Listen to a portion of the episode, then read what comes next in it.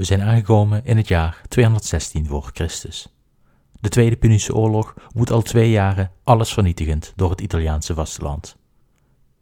Twee jaren eerder, in 218 voor Christus, was Hannibal over de Alpen in Noord-Italië aangekomen, waar hij binnen enkele maanden korte metten maakte met maar liefst twee Romeinse consulaire legers. Eén keer bij de Ticinus en daarna bij de Trebia. Na de wintermaanden trok Hannibal zuidwaarts en wist hij een derde consulair leger te vermozelen bij de slag bij het Trasimeense meer. Later, in 217 voor Christus, trok Hannibal nog verder zuidelijk en vernietigde hij de rijke landbouwgronden van Campanië en wist hij sluw te ontsnappen aan Fabius' blokkade van de vallei, waarna hij oostwaarts trok, richting de Adriatische kust, waar hij Fabius en Minucius nogmaals te slim af was, door te overwinnen in kleine schermutselingen. Eind 217, begin 216 voor Christus, was de termijn van dictator Quintus Fabius Maximus de Vertrager voorbij en werden in Rome nieuwe verkiezingen gehouden. De verkiezingen stonden volledig in het teken van het verslaan van Hannibal. Fabius' tactieken waren niet in goede smaak gevallen binnen de Senaat. Niet een afwachtende, maar een agressieve houding werd nagestreefd en was veruit het populairst onder de bevolking. Er waren meerdere kandidaten die een gooi deden naar het consulschap, maar uiteindelijk werd een novus homo, een nieuwe man van bescheiden komaf, met waarschijnlijk een grote meerderheid verkozen door het Romeinse volk. Deze zoon van een slager uit de toen nog onbekende plebejische familie Terentia luisterde naar de naam Gaius Terentius Varro. Varro, zoals we de beste man vanaf nu zullen noemen, wordt in de meest betrouwbare antieke bronnen van Polybius voortdurend met dédain beschreven.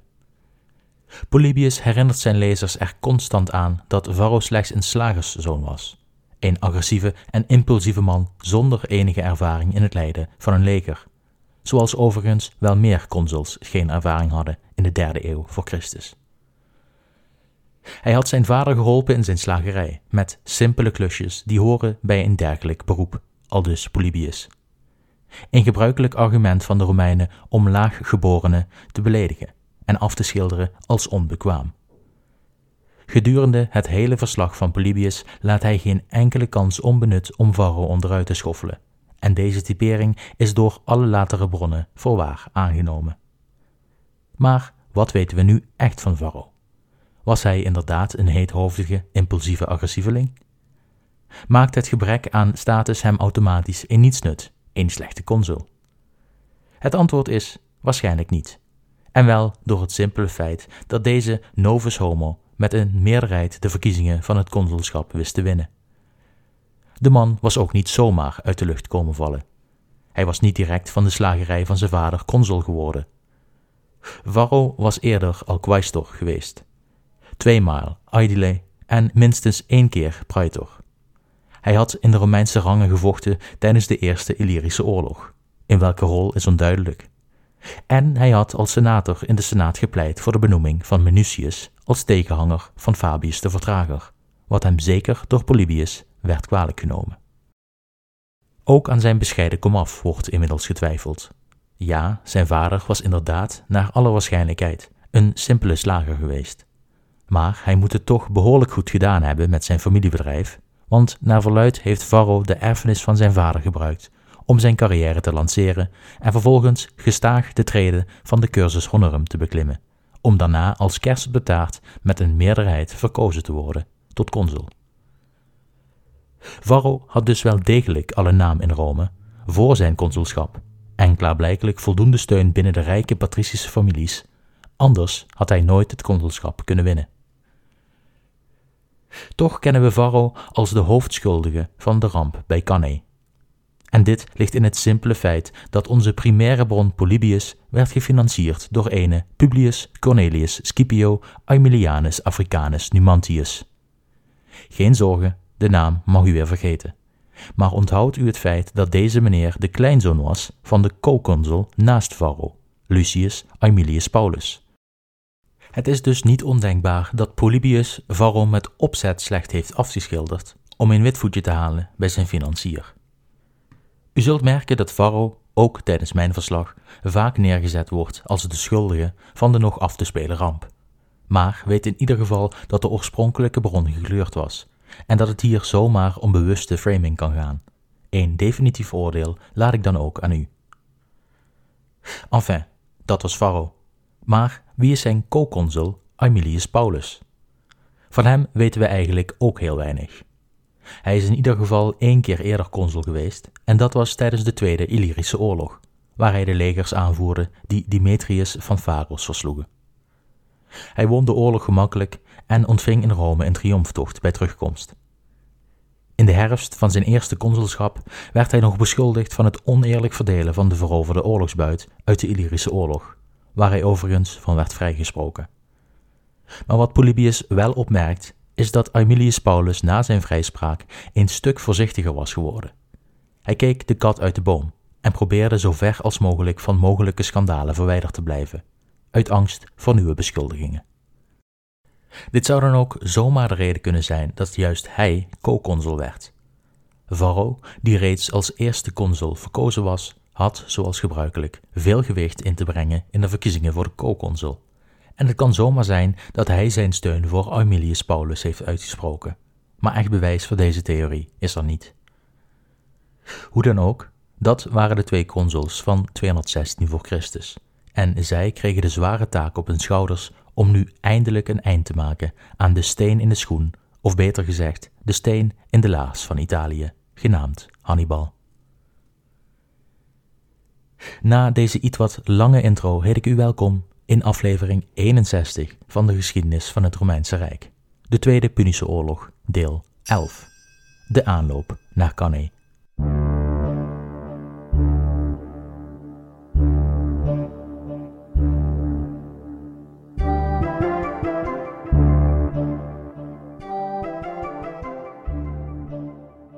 Varro en Aemilius Paulus waren dus in 216 voor de consuls die het moesten gaan doen voor Rome.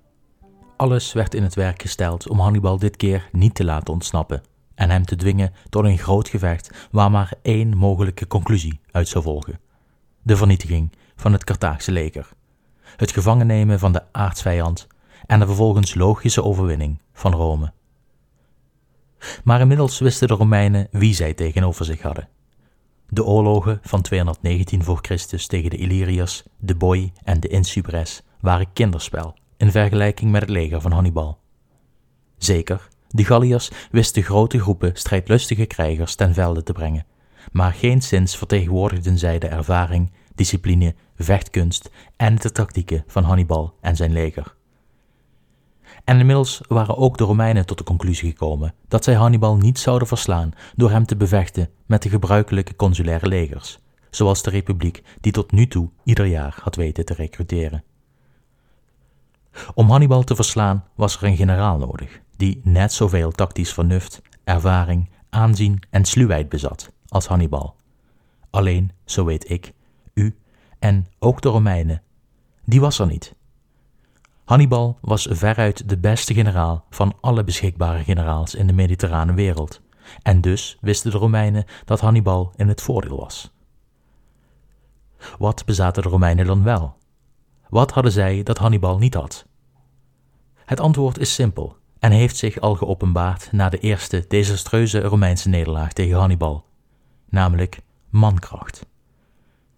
Het aantal mannen van 17 jaar of ouder onder controle van de Romeinse Republiek was immens veel groter dan dat van Hannibal of Carthago zelf.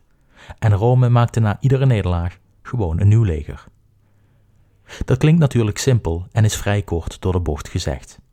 Ieder leger moest gefinancierd, bewapend en getraind worden en was vanzelfsprekend zeer onervaren, omdat alle soldaten met ervaring in de slag ervoor waren omgekomen. Er kwam dus wel degelijk behoorlijk organisatorisch vermogen bij kijken. Echter was ook deze methode geen garantie voor succes. Hannibal versloeg namelijk ook het nieuwe leger, en vervolgens het nieuwste nieuwe leger, enzovoort. De Romeinen wilden een manier vinden waarmee ze zeker voor de volle 100% wisten dat Hannibal dit keer wel verslagen zou worden. Ze wilden niet nog meer Romeins vlees door de Carthaagse gehaktmolen laten gaan. Dit keer moest het echt het laatste gevecht zijn. Zoals gezegd was er ook grote steun onder het volk voor de confrontatie met Hannibal in een snel en groots gevecht. waarbij de Romeinen eindelijk eens zouden laten zien wie de baas was. En dus besloot de Senaat om het ditmaal iets anders aan te pakken. Men besloot nog een groot leger op te roepen. Ditmaal deed men het echter anders dan voorheen. Waar normaal iedere consul twee legioenen onder zijn bevel kreeg en daarnaast nog eens twee legioenen aan bondgenoten, koos men er ditmaal voor om maar liefst vier Romeinse legioenen per consul op te roepen en ook nog eens vier legioenen bondgenoten per consul daaraan toe te voegen. Een totaal van om en nabij 40.000 manschappen per consul. 80.000 in totaal ten opzichte van de 40.000 in normale omstandigheden. Het was een gigantisch leger dat in aantallen ongekend was in de Romeinse geschiedenis. De Senaat had tijdens de invasie van Hannibal al opdracht gegeven aan het volk en haar bondgenoten zich voor te bereiden op een eventuele oproep om te dienen. Al voor de winter van 217 voor Christus, toen Fabius nog dictator was, liet de Senaat de opdracht naar buiten gaan zich te melden nabij Rome. Duizenden mannen melden zich om te strijden tegen de grootste dreiging van hun generatie. In de wintermaanden werden de mannen voorbereid voor het volgende campagnejaar. De mannen werden ingedeeld in cohorten, militaire tribunen werden aangewezen en gezamenlijk begonnen de mannen aan de harde trainingen. Het leger was weliswaar nieuw, maar niet volledig onervaren en ongetraind. Fabius had met zijn vertragingstactiek de Senaat de ruimte gegeven om het nieuwe leger goed voor te bereiden op de slag met Hannibal. En dit maakte logistieke kracht en het lange termijn denken van Rome goed zichtbaar. De mannen in het nieuwe leger raakten dus steeds meer aan elkaar gewend en de trainingen verliepen goed. Het leger begon ergens op te lijken, in tegenstelling tot de eerder snel bij elkaar geroepen legers die zonder echte goede voorbereidingen erop uit werden gestuurd. Ook de pure aantallen gaf de Romeinen vertrouwen. Dit kon toch haast niet misgaan. Met het vertrouwen stegen ook de kansen voor ambitieuze politici in Rome. Masse meldden de belangrijke magistraten zich voor posten binnen het nieuwe leger. Een derde van alle senatoren meldde zich voor dienst. De rest van de senatoren, die door hun gevorderde leeftijd zelf geen meerwaarde meer hadden op het slagveld, stuurden de sterkste mannen uit de familie om de honneurs waar te nemen. Naast de senatoren en hun families melden ook andere belangrijke patricische families zich om een steentje bij te dragen aan deze historische legermacht, tezamen met leden uit de voornaamste plebejse families. Ze leverden allemaal de beste mannen aan, waarvan velen al eerdere ervaring hadden opgedaan in het leger. De beste mannen, met de meeste ervaring, werden aangewezen als militaire tribune en praetors. En personen die de functie eerder al met succes hadden uitgevoerd, werden nu nogmaals verzocht zich aan te melden. Alles om ervoor te zorgen dat dit Romeinse leger het sterkste leger was dat de Romeinen ooit hadden voortgebracht. De massale toestroom van zowel het normale volk als mannen uit de rijke gevestigde families bracht een gevoel van eenheid, saamhorigheid. Iedereen droeg een steentje bij om het gezamenlijke doel te behalen. Terwijl Rome haar grootste leger ooit klaarmaakte voor de beslissende slag, brak de lente van 216 voor Christus aan. Hannibal had al die tijd rond Geronium verbleven, waar Fabius hem al die tijd in de gaten had gehouden Hannibal had in de stad Geronium gigantische voorraden voedsel verzameld, die zijn 50.000 troepen, zijn pakdieren, paarden en kampvolgers ongeveer zes maanden moesten voorzien van voedsel. Hannibal kon zijn tijd in Geronium dus rustig uitzitten en uitrusten voor de lente van 216 voor Christus. Toen de maand juni aanbrak en de gewassen van dat jaar alweer rijp waren voor de oogst, trok Hannibal met zijn 50.000 troepen en de rest uit zijn kamp op weg naar het zuiden. Hij vertrok in oostelijke richting om langs de Adriatische kust zijn weg zuidwaarts te maken. Zijn zes maanden voedselvoorraad waren ver verbruikt en hij moest weer leven van het land, zoals hij dat al sinds zijn aankomst in Italië met succes had gedaan. Het Romeinse leger dat gestationeerd was nabij Geronium om Hannibal in de gaten te houden, het voormalige leger van Fabius, dat nu tijdelijk werd geleid door zijn meester van de paarden, Servilius Geminus, en een plaatsvervanger, ging direct in de achtervolging en stuurde bericht naar de Senaat van Rome met een verzoek voor instructies, nu Hannibal weer in beweging was. De Senaat stuurde het bevel terug dat Geminus moest wachten tot het leger van Varro en Paulus zich bij hen hadden aangesloten. De beide legers zouden zich samenvoegen en onder de directe leiding komen te staan van de twee consuls. Met het leger van Varro en Paulus, dat 60.000 troepen telde, en het leger van Geminus en zijn rechterhand, dat 20.000 troepen telde, zou het Romeinse leger uitkomen op de 80.000 troepen die de slag bij Cannae zo beroemd hebben gemaakt. Het moment was daar.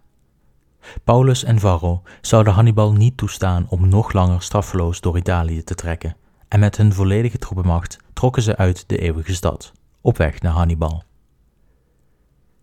Het leger van Varro en Paulus bewoog langzaam richting het zuidoosten.